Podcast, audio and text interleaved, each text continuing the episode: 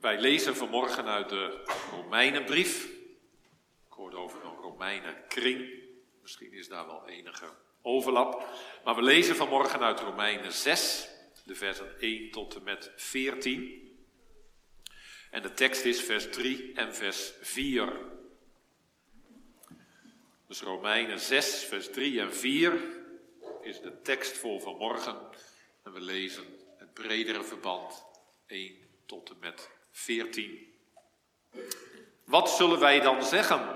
Zullen wij in de zonde blijven, opdat de genade toeneemt? Volstrekt niet. Hoe zullen wij die aan de zonde gestorven zijn nog daarin leven? En dan de tekst. Of weet u niet dat wij allen die in Christus Jezus gedoopt zijn, in zijn dood gedoopt zijn? Wij zijn dan met hem begraven door de doop in de dood, opdat, evenals Christus uit de doden is opgewekt tot de heerlijkheid van de Vader, zo ook wij in een nieuw leven wandelen zouden. Want als wij met hem één plan zijn geworden, gelijk gemaakt hem in zijn dood, dan zullen wij ook aan hem gelijk zijn in zijn opstanding. Dit weten wij toch dat onze oude mens met hem gekruisigd is, opdat het lichaam van de zonde teniet gedaan zou worden en wij niet meer als slaaf de zonde zouden dienen. Want wie gestorven is, is rechtens vrij van de zonde. Als wij nu met Christus gestorven zijn, geloven wij ook met, dat wij ook met Hem zullen leven. Wij weten toch dat Christus, nu Hij is opgewekt uit de doden, niet meer sterft. De dood heerst niet meer over Hem. Want wat zijn sterven betreft, is Hij voor eens en altijd voor de zonde gestorven. En wat zijn leven betreft, leeft Hij voor God. Zo dient ook u zelf u te rekenen als dood voor de zonde, maar levend voor God in Christus Jezus onze Heer. Laat dan de zonde niet in uw sterfelijk lichaam regeren, om aan de begeerten daarvan te gehoorzamen. En stel uw leden niet ter beschikking aan de zonden als wapens van ongerechtigheid, maar stel u zelf ter beschikking aan God, als mensen die uit de doden levend geworden zijn. En laat uw leden wapens van gerechtigheid zijn voor God. Want de zonde zal over u niet heersen. U bent namelijk niet onder de wet, maar onder de genade. Tot zover. De tekst laat zich verdelen in drie aandachtspunten. In de eerste plaats gedoopt in Christus. In de tweede plaats gedoopt in Christus dood. En in de derde plaats gedoopt in Christus opstanding. Dus gedoopt in Christus, gedoopt in Christus dood en gedoopt in Christus opstanding. Gemeente, was het waar wat wij zongen?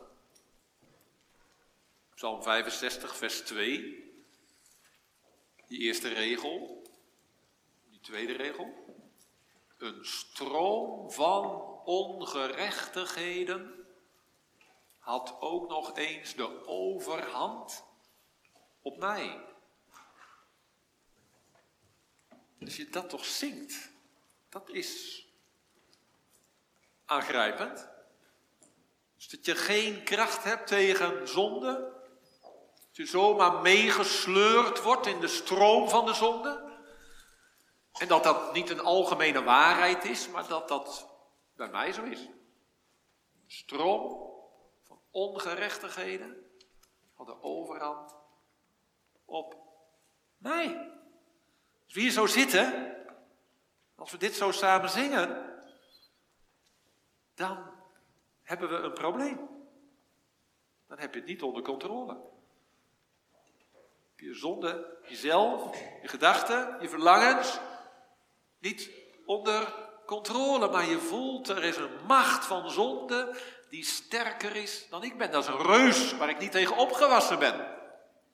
Herken je dat? Heb je echt het verlangen om heilig te zijn? En dat je merkt, ja, maar ik ben helemaal niet heilig. Wil nederig zijn. Want Jezus heeft gezegd, leert van mij dat ik zachtmoedig ben en nederig van hart. En dan ontdek je zo'n groot ego. Dat zich wil laten gelden. Op een hele nederige manier soms. Je kunt nog niet eens eerlijk zijn, toch? Daarom staat het in de tien geboden. Gij zult geen valse getuigenis geven. Dat staat in de Bijbel en in de geboden. Niet omdat wij geen valse getuigenis geven, maar omdat we juist geneigd zijn om onwaarheid en halve waarheid te spreken. Kunt u de hele dag alleen maar waarheid spreken? Of merk je dat je, als je nou eerlijk de s'avonds de balans opmaakt, hè, dat je dan misschien waarheid spreekt, maar daar net een klein beetje een, een shift aan geeft en een iets aan de daglicht plaatst, zodat die ander in een ander daglicht komt te staan. Je kunt waarheid spreken en zo de leugen dienen. Of jezelf dienen. Wanneer ben je nou echt zuiver? Wanneer ben je nou echt in het spreken van de waarheid helemaal puur? Nou, daar, gaat het over. Dat je eigenlijk daarmee zegt in die Psalm 65: Ik ben er niet tegen opgewassen. Het is op heiligheid toegelegd, maar de uitkomst is onheiligheid. En hoe moet je daar nou mee dealen?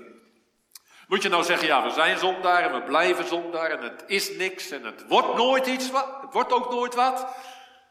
En we moeten leven uit de vergeving.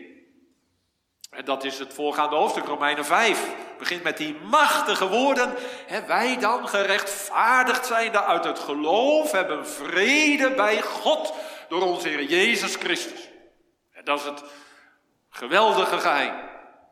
Dat God je niet vergeeft omdat je zo goed bent en zo geschikt bent en zo nederig bent en zo bekeerd bent.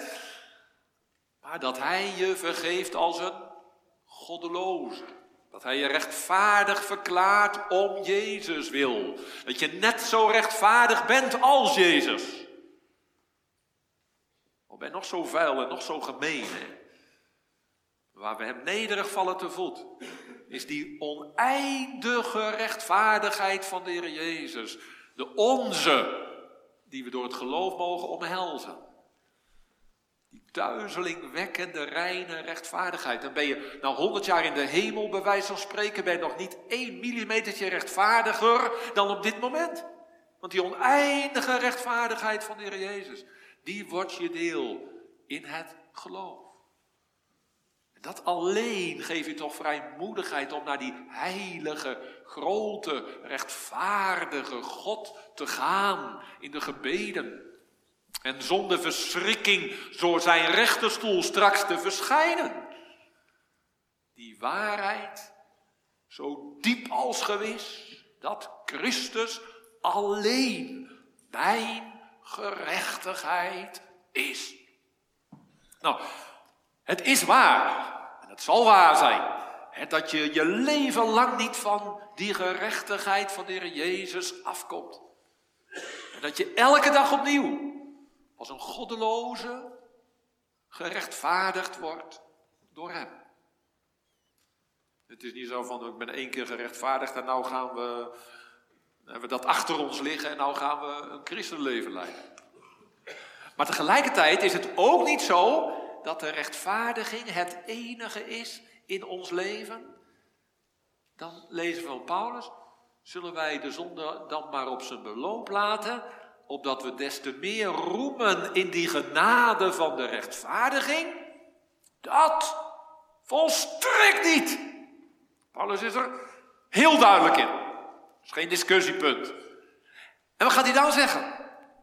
Nou, spreekt hij de gemeente aan op een algemene ervaring, een algemene werkelijkheid, een algemene eh, aanvaarde en erkende werkelijkheid. Weet u niet dat wij in Christus gedoopt zijn? Wij zijn in Christus gedoopt. En hij wilde eigenlijk mee zeggen, dat past niet bij het de zonde op zijn beloop laten komt dan in, het, in de rest van deze tekst en de rest van deze preek. Maar eerst maar eens eventjes een streepje eronder zetten. Wij zijn in Christus gedoopt. Gedoopt zijn wil zeggen in Christus gedompeld zijn. In hem ondergedompeld zijn. Is Paulus ook gedoopt?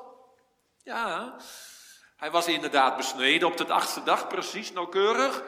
Maar Weet u nog dat hij op weg naar Damascus was? En daar, daarom straalde hem dat licht hè, van de verheerlijkte Christus. Hij dacht, Jezus is borstdood. Dat is een ketter, is aan de kruis gestorven, kan geen profeet van God zijn. Want God heeft hem door het kruis vervloekt. Als hij een hartaanval had gehad of als hij onthoofd was, dan had hij nog opgericht kunnen worden, dan had hij nog gerechtvaardigd kunnen worden. Maar de kruisdood sluit elke hoop voor Jezus van Nazareth uit. Daarom, daarom vervolgt hij de christenen. En daarom moest die ketterij met hand en tand de kop ingedrukt worden. En daarom zal het voor Paulus zo'n enorme crisis geweest zijn. Hè?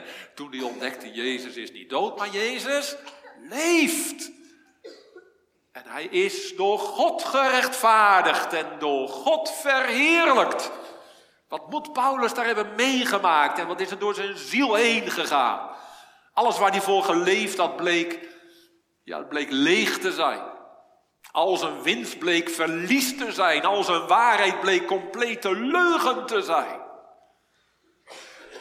En terwijl Paulus die strijd doorworstelde, zei de Heer tegen Ananias, een christen in die stad Damascus. Hij zei, jij moet, ik heb iets voor jou te doen, eh, Ananias. En Ananias zei, oh dat is prima, Heer, zegt u het maar. Nou, zegt de Heer, Saulus van Tarse is in deze stad en dan moet jij naartoe. Maar toen schrok die Ananias. Hij dacht, ja, maar dat ga ik niet doen. Die Saulus van Tarse, dat is een levensgevaarlijk man. En hij protesteerde bij de Heer. En toen zei de Heer Jezus tegen hem, nou, ik heb hem uitgekozen om mijn naam onder de heidenen uit te dragen. Dat hij moet lijden omwille van mijn naam. Je kunt best naar hem toe. En toen werd Ananias ingewonnen. Toen ging hij naar die straat rechter toe, naar dat huis waar Saulus was. Saul, broeder, die Jezus die u verschenen is onderweg, die heeft mij tot u gezonden en hij legde hem de handen op. Hij werd weer gelijkziende. Hij kreeg de Heilige Geest, de kracht van de Heilige Geest. En er staat er zomaar in een bijzinnetje, je zou er bijna overheen kunnen lezen in Handelingen 9. En hij werd gedoopt. En hij stond op. En hij werd gesterkt. En hij at. En hij predikte terstond Christus. Paulus is daar gedoopt. Wat zal dat voor Paulus geweest zijn? Stel je voor hè, dat hij ondergedompeld werd, ga maar even uit. Dan, dan word je ondergedompeld in het water en dat betekent je hele oude leven als vervolger en als brave fariseer, dat gaat ten onder, dat gaat sterven. Niet eventjes heel snel onder water, hè, maar begraven door de doop in de dood van de Heer Jezus Christus is definitief voorbij. Het water, dat sluit zich boven Saulus van Tarze, dat hele oude leven begraven en bedekt. En dan komt hij weer naar boven, boven het water. Dan komt er een nieuw mens, herschapen, wedergeboorte. Het bad van de wedergeboorte, de doop is het bad van de wedergeboorte. Zo komt hij herboren tevoorschijn uit het doopwater. Getekend met het eigendomsmerk van de Heer Jezus. De naam van Christus staat in die zin op zijn voorhoofd. Je bent van Christus, je bent niet van de duivel, je bent niet van de wereld, je bent niet van jezelf, maar je bent van Jezus. Dat is je identiteit. Je oude identiteit, je oude mens, je oude Adam, je oude Paulus is begraven. Bent opgewekt in Christus. Ik leef, kan Paulus later zeggen, maar niet meer ik. Maar Christus leeft in mij. Die heeft mij lief gehad en die heeft zichzelf voor mij overgegeven.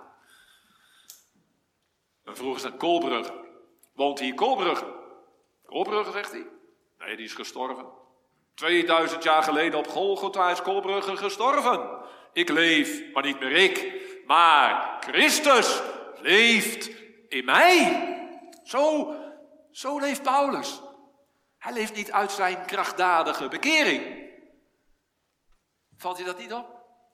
Maar Hij leeft uit zijn heilige doop. Weet u niet? Hij spreekt de hele gemeente daarop aan. Weet u niet dat wij in Christus gedoopt zijn? Mag ik u er ook op aanspreken hier in de Victorkerk vanmorgen?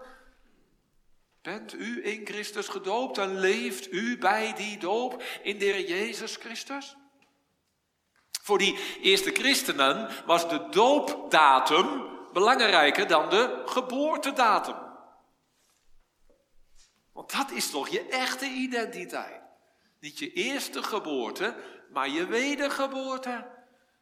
Je doopdatum, die markeert jouw echte leven. En wie je nou echt bent en wat jouw identiteit is. Misschien kijken wij er een beetje raar tegenaan. Hè? Wij zouden zeggen, ja, maar Paulus, jouw, jouw bekering, wat er allemaal innerlijk in jouw ziel gebeurt, dat is toch veel belangrijker dan wat er uiterlijk aan jou gebeurt door de Heilige Doop.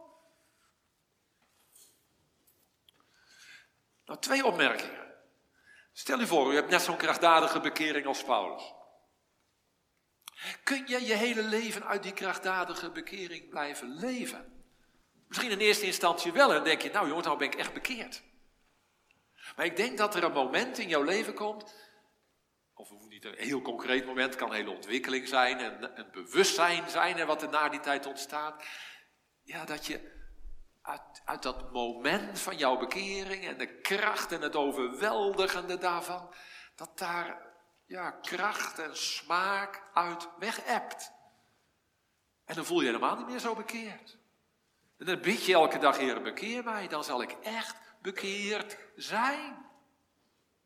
En het tweede, als ik nou aan u zou vragen, wanneer bent u man en vrouw geworden? Wat zou je dan zeggen? Zou je dan gaan vertellen over die eerste date die je had? Of zou je gaan spreken over dat geweldige gesprek waarin je helemaal eenheid voelde met elkaar, dat je toen in die tijd met elkaar had? Of dat je samen je knieën boog en dat je bad, heren, wilt u ons de weg wijzen? Is het uw weg om, om samen als man en vrouw door het leven te gaan? En, en dat je voelde, de Heer hoort dat gebed? Nee, je zult verwijzen naar het moment dat je bij die ambtenaar van de burgerlijke stand stond. En die heeft toen gezegd, ik verklaar u als man en vrouw namens, nou ja, als ambtenaar van de burgerlijke stand. Daar ben je man en vrouw geworden. Daar kreeg je de identiteit van man en de identiteit van vrouw. Man van en vrouw van. Daar werd het huwelijk voltrokken. Uiterlijk, jazeker. Maar dat is beslissender dan wat je voor die tijd innerlijk voor elkaar gevoelde. Ik hoop niet dat het zonder je gevoel gaat natuurlijk. En dat het nog steeds niet zonder je gevoel is. En dat je voelt wat het wil zeggen. Dat je als man en vrouw aan elkaar verbonden bent in het huwelijk. En dat je daar elke dag de, de kracht en het effect van ervaart in je hart, in je leven, in je denken, in je verlangens en zo. Dat het je hele leven doortrekt en je hele leven stempelt. Maar dat neemt niet weg dat het huwelijk een formele zaak is. En daar ben je, nou ja, man en vrouw van elkaar geworden. Daar ben je echt met elkaar getrouwd. En zo gewichtig is dat sacrament van de heilige doop. Ik hoop dat je elke dag gevoelt wat de doop betekent. Daar gaan we het zo nog nader over hebben. Maar je huwelijk van God met jou, dat werd in de heilige doop bekrachtigd. Je bent niet van jezelf, maar je bent van mij. De doop is het eigendomsmerk van de Heer Jezus Christus wat onuitwisbaar op je voorhoofd werd gedrukt. Je bent niet van de duivel. Je bent ook geen heiden. En je kunt ook niet je eigen gang gaan omdat je van jezelf bent. Maar je bent van Hem. De kracht, betekenis van de heilige doop. Weet u, besef je, leef je erbij? Dat je in Christus gedoopt bent. Ja, zeg je, maar ik kan me voorstellen dat dat voor Paulus heel belangrijk was, want die had die krachtdadige bekering.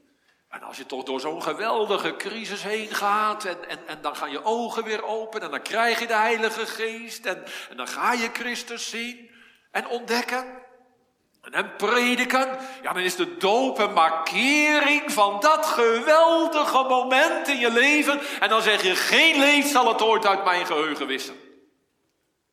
Maar ja, wij dopen kinderen, zuigelingen. Je hebt nog nergens enig benul van. Is dat dan toch niet iets anders dan die doop van de apostel Paulus? Of pleit dit eigenlijk misschien niet voor de geloofsdoop? Hè? Dat je eerst zo'n bekering meemaakt als Paulus. En dat je dan gedoopt wordt. En dat je dan later kunt zeggen, al is het dertig jaar later, van wij zijn in Christus gedoopt. Nou ja, ik, ik, herinner maar eventjes aan ons uh, Heidelbergse catechismus. Vraag 73 zegt, de doop is het bad van de wedergeboorte. Dus dan staat die doop op het Paulus-doopniveau. Denk bij de doop aan de, aan de doop van Paulus. Denk bij de doop aan, de, aan het bad van de wedergeboorte.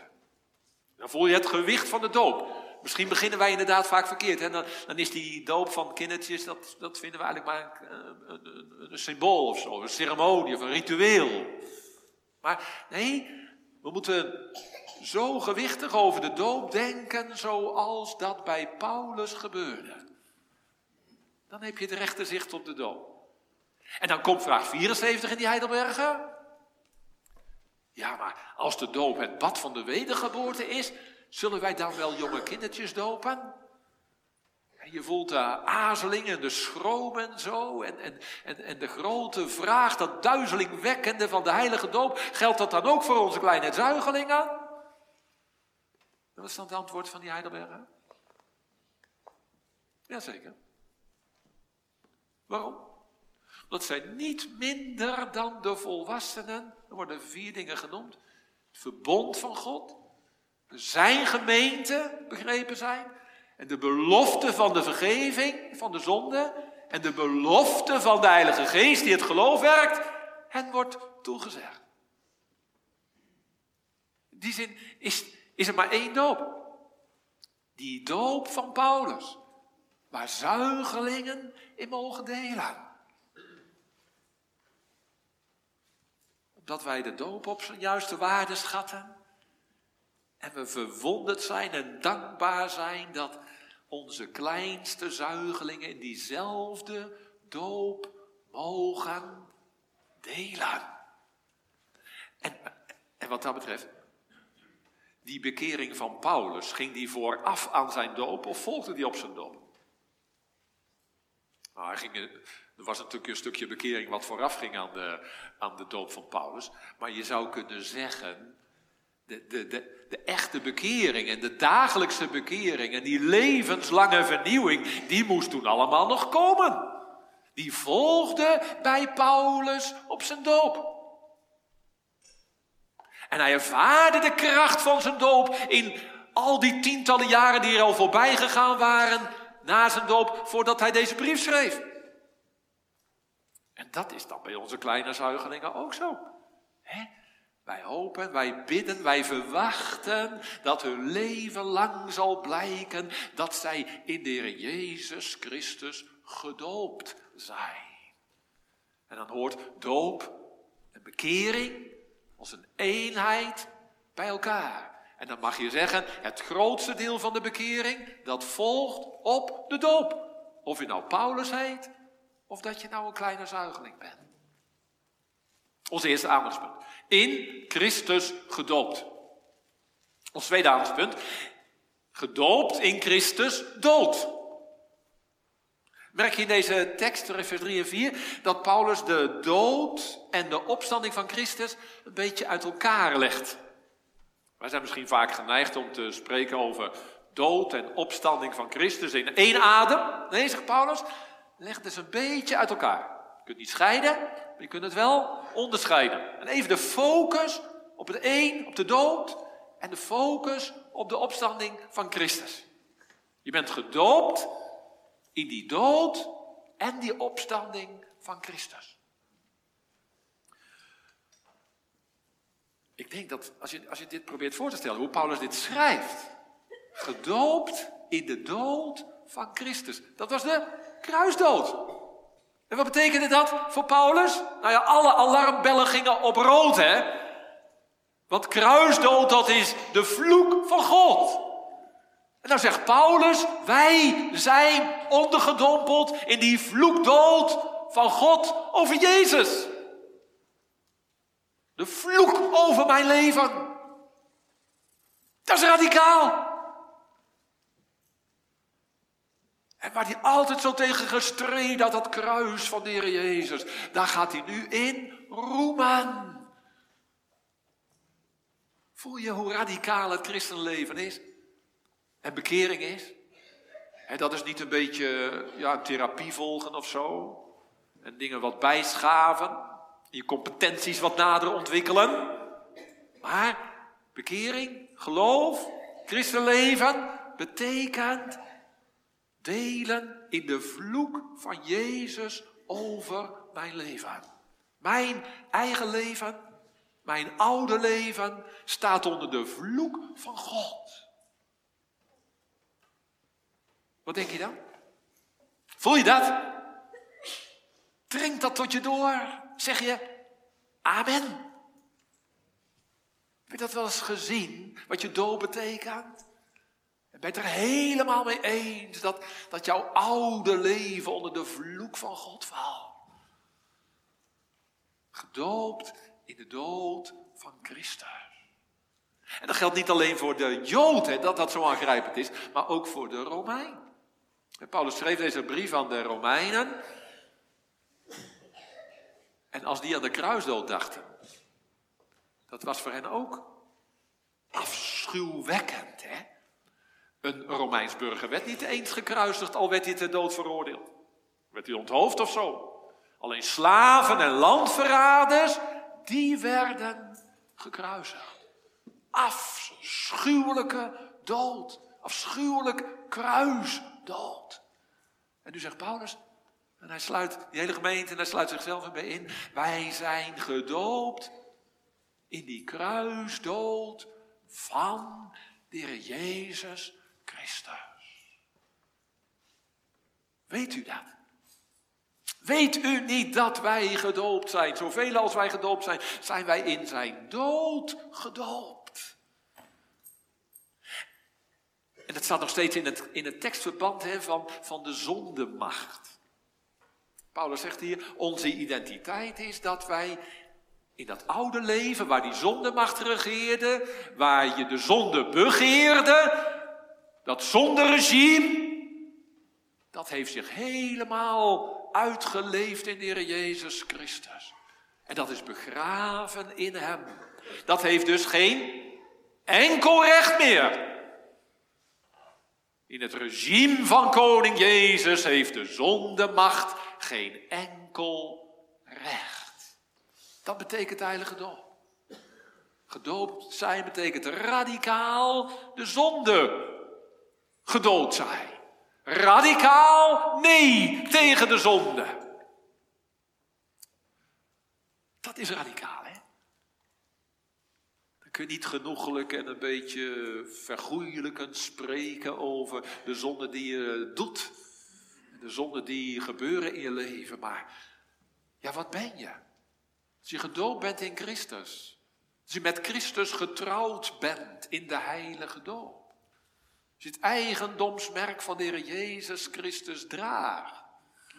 En dan zondig je. We hebben het zo even die tien geboden samen gelezen. Het was niet zomaar een ritueeltje, hè? maar dat was dat huwelijksverbond van de Heer Jezus Christus met jou. En elke, elk gebod is een manier om dat huwelijksverbond ontrouw te zijn, om dat huwelijksverbond te breken overspel te plegen. Voel je wat, je wat mijn zonden zijn? Onbestaanbaar dat je gedoopt bent en in de zonde leeft. En dan de zonde toegeeft. En ruimte zoekt voor de zonde. En, en dan kijkt hoeveel rek er in die geboden van God zitten. Dat je eigen gang kunt gaan en, en de zonde kunt, kunt toelaten. Het is niet alleen een positie, het is, het is in de eerste plaats een heilige positie. De positie van de doop. De positie in Christus. Is niet een positie waar de zonde nog enige bevoegdheid heeft. Het, heeft ook een, een werking, die heilige doop. In ieder geval in het leven van Paulus had het een werking. En had het een effect. En kon je merken dat hij ondergedompeld was in de dood van de Heer Jezus Christus. En daar zit wel een, een tweespalt in, hè, of een spanning in. Misschien kan ik dat met een voorbeeld verduidelijken. Was dat niet vorige week dat er een, een, eh, een beeld bij NOS eh, openbaar kwam van een Russische soldaat. Die zat met allerlei andere soldaten in een tank. En toen werden ze, werd die tank kapotgeschoten door de Oekraïners. Hè, zijn collega's, die kwamen allemaal om. En toen heeft hij de witte vlag gehezen. Heeft hij zich overgegeven. En nou kreeg hij een uniform aan van Oekraïne. Hè, met dat gele blauwe, die gele blauwe vlag op zijn bovenarm. En nu was hij een, een reparateur, een onderhoudsmonteur geworden van die tanks voor de Oekraïners. Hij was eigenlijk een Rus. Maar hij had nu de identiteit gekregen van een Oekraïns soldaat. Nou, wij hebben de identiteit van de Heer Jezus Christus in de heilige doop gekregen. We zijn die Oekraïense soldaat. Maar ons, ons, ons, ja, ons karakter, de manier waarop we denken en leven en voelen, dan zijn we die rust. Hè? Zijn we die oude mens, zijn we die oude Adam, zijn we die oude Paulus, die oude zondaar. Die rust die nou zo'n Oekraïns uniform aangekregen heeft. Ja, je kunt je, je kunt je voorstellen dat hij niet van de een op de andere dag in zijn manier van denken en doen en laten en spreken, dat hij nou helemaal op de golflengte zit van een Oekraïner. En hij komt zijn oude natuur nog best wel eens tegen. En hij merkt, ik ben eigenlijk nog een Rus. In realiteit ben ik een Rus. En in identiteit ben ik een Oekraïense soldaat. Maar, maar stel je nou voor dat hij die Russische natuur laat gelden boven de Oekraïense positie. Stel je nou voor dat hij zijn positie misbruikt om posities door te geven aan, de, aan het Russische leger. Dan ben je toch gemeen? Dan ben je landverrader. Dan ben je schurk. Dan ben je schurk. Als je gedoopt bent en je dient het regime van de duivel. Je dient het regime van de leugen. Je dient het regime van deze wereld. Dan ben je echt een schurk ben je een landverrader. Als je oude natuur laat gelden boven je nieuwe identiteit in de Heer Jezus Christus. Voel je de geweldige claim die jouw doop op je legt om te leven naar het evangelie, om Gode waardig dat evangelie te wandelen? En dan mogen we zeggen, die doop is niet alleen een positie, en dan ligt er een geweldige claim op jou. Maar door de Heilige Geest heeft dat ook een effect. En word je gelijktijdig met het sterven van de Heer Jezus Christus. En dan oefent die dood van de Heer Jezus door de doop een zonde dodende werking uit in jouw doen en in jouw laten. Om er weer even een voorbeeld te noemen, weer uit het oosten van Europa. Dat is al wat langer geleden, maar toen lazen wij toch van die uh, rivier de Oder in Polen. Er was gif ingekomen, hè? er was zo afschuwelijk venijnig gif dat vissen daar allemaal aan dood gingen. Of hele kleine visjes, maar ook hele grote vissen die al heel wat crisis hadden doorstaan. Die gingen allemaal dood. Honderden tonnen vissen zijn in die rivier de Oder omgekomen. die rivier werd gif voor het vissen. Die dood van Jezus is het gif voor mijn zonde.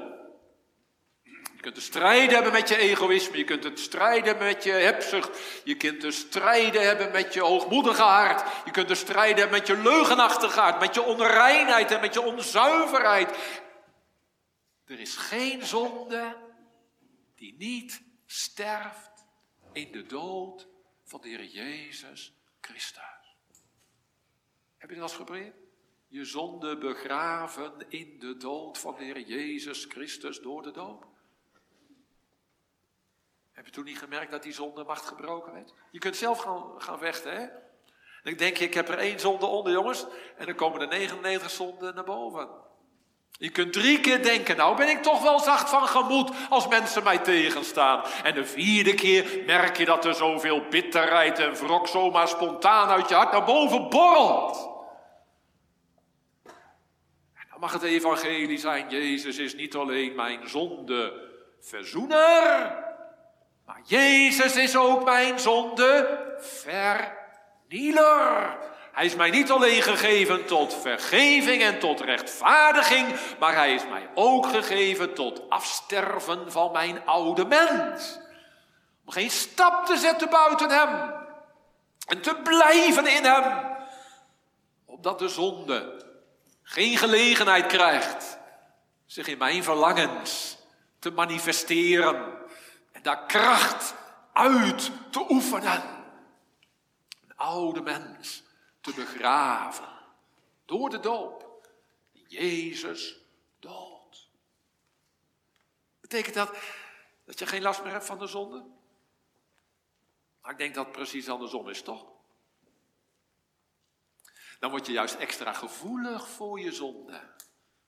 Word je extra gevoelig voor onzuiverheid in je spreken, voor leugenachtigheid, voor gebrek aan leidzaamheid en voor gebrek aan zachtmoedigheid en, en voor dat subtiele hoogmoedige als je denkt dat je zo nederig van hart bent. Ik wist niet dat mijn tere ziel nog zoveel van het aardse hield, zeg je dan. Je gaat steeds fijngevoeliger worden hè, voor datgene wat niet de gelijkvormigheid is aan de Heer Jezus. Wat geen geest is, maar wat vlees is. Je krijgt ook heel veel verdriet van. Je hebt verdriet omdat je God verdrietigt. Hè? Dat geeft mij zoveel verdriet toch? Dat je zoveel verdriet doet dat je, ja, dat je niet lijkt op de Heer Jezus. En dat je wel de identiteit draagt van de Heer Jezus, maar dat jij die glorie van de Heer Jezus door jouw leven, door jouw spreken en denken en doen en laten, dat je daar een sluier overheen legt. Dat de glorie van God door jou verduisterd wordt. Afschuwelijk. Dan ga je bitter rouw klagen. Zacharia zegt, zo bitter als over het sterven van een oudste zoon. Nou, dat is heel bitter.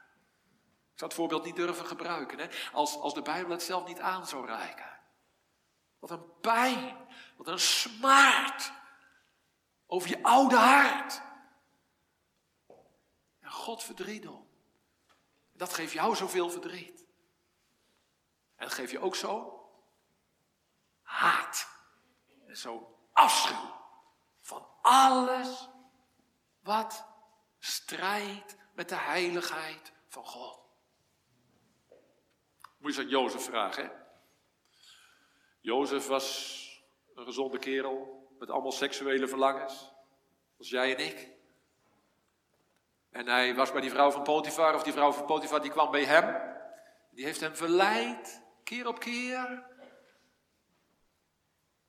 Jozef was er niet ongevoelig voor. En Jozef heeft niet gedacht, laat ik toegeven aan dit avontuurtje. En hoe ver zou ik kunnen gaan?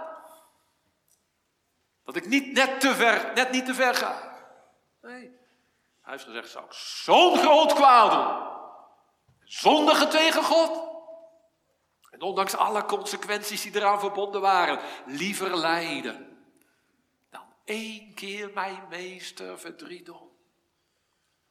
Talloze andere christenen en gelovigen in het Oude Testament, Nieuwe Testament, kerkgeschiedenis, zijn in de verleiding gestruikeld.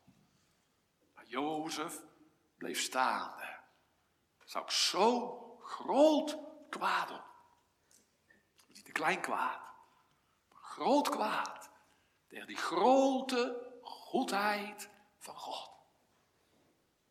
Ons twee dames. Gedoopt in Christus dood. We komen bij derde, gedoopt in Christus opstanding.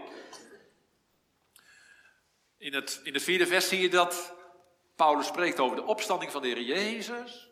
En dat verbindt hij met de opstanding van de nieuwe mens. Het leven, het nieuwe leven, het christenleven. De opstanding van de Heer Jezus. Hij zegt, hij is, de Heer Jezus is opgewekt tot de glorie van de Vader. Hij wil eigenlijk zeggen, in het Oude Testament was die glorie van God er, maar was heel vaak verhuld. Hè? Was er een wolk omheen, we konden dat niet zien. Was bedekt. Maar Nieuw Testament is in de opstanding van de Heer Jezus. Daar zie je de glorie van de Vader. De glorie van zijn trouw. De glorie van zijn waarheid. De glorie van zijn gerechtigheid. Wat een heerlijkheid van God in het aangezicht van de Heer Jezus. Als je goed luistert naar deze woorden, dan voel je hoe de ziel van Paulus tintelt, hè? Och, dat alles wat in mij is, Hem prees. De glorie van God aanbidt. Die ik mag zien in Jezus, in het bijzonder in zijn opstanding uit de doden. Ik kan wel eeuwig zingen van de glorie van God in het aangezicht van de Heer Jezus Christus. En nu zegt hij, die glorie is in het nieuwe leven van de christen. In de opstanding van de Heer Jezus, die zich in jouw leven manifesteert door de kracht van de heilige doop, de kracht van de Heilige Geest in je leven. Dat wij in dat nieuwe leven wandelen zouden. Vandaag niet op de nieuwe hemel en de nieuwe aarde pas. Ja, daar, daar loopt het wel op uit en dan wordt het helemaal, komt het in zijn volkomenheid. Maar je mag zeggen, die toekomst, die geweldige toekomst, is tegenwoordige tijd door de Heilige Geest die je nu wordt gegeven, door de eenheid met Christus vandaag. Je mag vandaag dus dat eeuwigheidsleven leven. Je mag vandaag in die hemelsgezindheid wandelen. Zo nieuw. Wij leven in de tijd, hè? Dat we voelen, die oude wereld, die, die, die, die loopt op zijn einde. Toch? Alle dingen gaan naar een hoogtepunt. We lopen tegen allemaal grenzen aan. Je voelt de hele wereld die valt uit elkaar. In de tijd van de reformatie zijn maar al Europa is oud geworden. En nu 400, 500 jaar later zeggen wij de hele wereld is oud geworden. De, de, voorraden raken uitgeput en de spanningen gaan naar een hoogtepunt. En de kennis van mensen loopt naar een hoogtepunt. En de keerzijde daarvan en de ellende gaat ook naar een hoogtepunt. Wereld, die gaat voorbij. Die gaat snel voorbij. Maar midden in die oude, vergankelijke, uiteenvallende, sterfelijke wereld daar is vandaag in Christus. Dat nieuwe leven. Wonderlijk, hè? Dan word je verjongt van dag tot dag. Word je niet ouder, of ben je heel oud? En al slijt je lichaam, al slijt je geest. En alles is al slijtage onderhevig. Vind je dat in deze wereld? Dat het oude nieuw wordt gemaakt? Dat kan niet, hè? Maar in het koninkrijk van God word je vernieuwd van dag tot dag. Word je elke dag een beetje jonger. Tot aan de schone jongste dag. Van de eeuwige jeugd en de eeuwige frisheid zal overblijven. En waar alle sterfelijkheid en alle vergankelijkheid definitief voorbij zal zijn. In nieuwheid van het leven. Dit is echt nieuw. Dit heeft geen oog gezien, geen oor gehoord en is nog nooit door een mens bedacht. Alles wat wij mensen bedenken, ja, is een variatie op datgene wat er al is. Hè. Kan soms heel knap zijn en heel creatief zijn. Maar uiteindelijk gaat het terug op basisconcepten die wij in de schepping gekregen hebben. Maar dit is ongehoord. Dit komt niet van binnen de schepping, maar dit komt van de schepper, van de herschepper. Dit is nieuw. Dit is ongedaagd. En wat is dan ongedaagd? Nou ja, leidzaamheid in het lijden. Roemen in verdrukkingen. Echte liefde voor je vijand. Kun je het maken? Nee, kun je niet maken. Kun je het ervaren? Jazeker. De gezindheid van Jezus door zijn Heilige Geest. De kracht van de doop in je hart. Je vijand liefhebben als jezelf. Bidden voor je tegenstander. Niet alleen omdat het moet, maar omdat je van hem houdt. Dat je geen leedvermaak meer hebt over het leed dat hem overkomt, maar dat je echt leed hebt als hem leed overkomt. En dat je denkt, wat zou God met hem kunnen? Met dat kwalijke karakter wat tegen mij gericht is. Wat zou God er nog mee kunnen? Zo heb je hem lief. Vanuit God. Je hebt hem net zo lief als jezelf. Matigheid. Als je een tijd leeft van wilde en overdaad en welvaart, kun je dan matig zijn? Je geluk niet afhangt van het genieten van de dingetjes en het beetpakken van de dingen en overal maar eens even kijken. Nee, mijn geluk is in God. Bezitten alsof je niet bezit. Dat is het nieuwe leven. De gezindheid van Jezus. Echt nieuw. Mensen kunnen daar wel eens een beetje meewarig over doen. Hè? Dan zeggen ze, ja, maar het stelt toch niet zoveel voor? Het is maar heel piepklein. Nou, dat zal waar zijn. Maar is het daarom niet waar? Als in de lente dat hele piepkleine knopje aan de bloemen en de bomen tevoorschijn komt. Dan zeggen er ook niet, wat stelt dat nou voor? Nee, dan krijg je nieuwe moed, een nieuwe verwachting. Het nieuwe leven dient zich aan. En dan weet je, dit is het begin van de zomer en is het begin van de volle oogst. Nou, dat hele piepkleine knopje van nieuwe gehoorzaamheid en de gezindheid van de Jezus. Zou je daar je schouderschamper over ophalen? Dat is het volle werk van Christus. En de volle overwinning van Christus, die ligt daaraan ten grondslag. En die zal eruit opbloeien. Zou je de Heilige Geest niet vreselijk veel verdriet doen als je, als je schamper doet over, over dat kleine begin van die nieuwe gehoorzaamheid? Het is de garantie en de aankondiging van het eeuwig zalig hemelleven. En wat een, wat een puurheid en wat een zuiverheid ligt er in dat nieuwe leven. Meer vreugde in het nee zeggen tegen zonden dan in het toegeven van, van verlangens aan honderd zonden of zo. En wat vrede heeft elk, wat een shalom, wat een heelheid heeft elk, die uw wet bemint. Zij zullen aan geen hinderpaal zich stoten. Dan dien je God niet met een lang gezicht hebben, dan dien je God met blijdschap. Ik, Heer, die al mijn blijdschap in u vindt. En dat is nog maar het kleine begin van die vreugde. En dat is het kleine begin van die grote vreugde die nog uitstaat. Na de dood is het leven mij bereid. God neemt mij op in zijn heerlijkheid. Een blij vooruitzicht dat mij streelt. Om ontwaakte lof van God te ontvouwen en hem in gerechtigheid te aanschouwen. En dan niet meer een klein beetje van dat beeld van de Heer Jezus, hè, maar verzadigd zijn met het beeld van de Heer Jezus Christus. Dat is de hoop. Die doet leven. die je op de been houdt. En je doet volharden.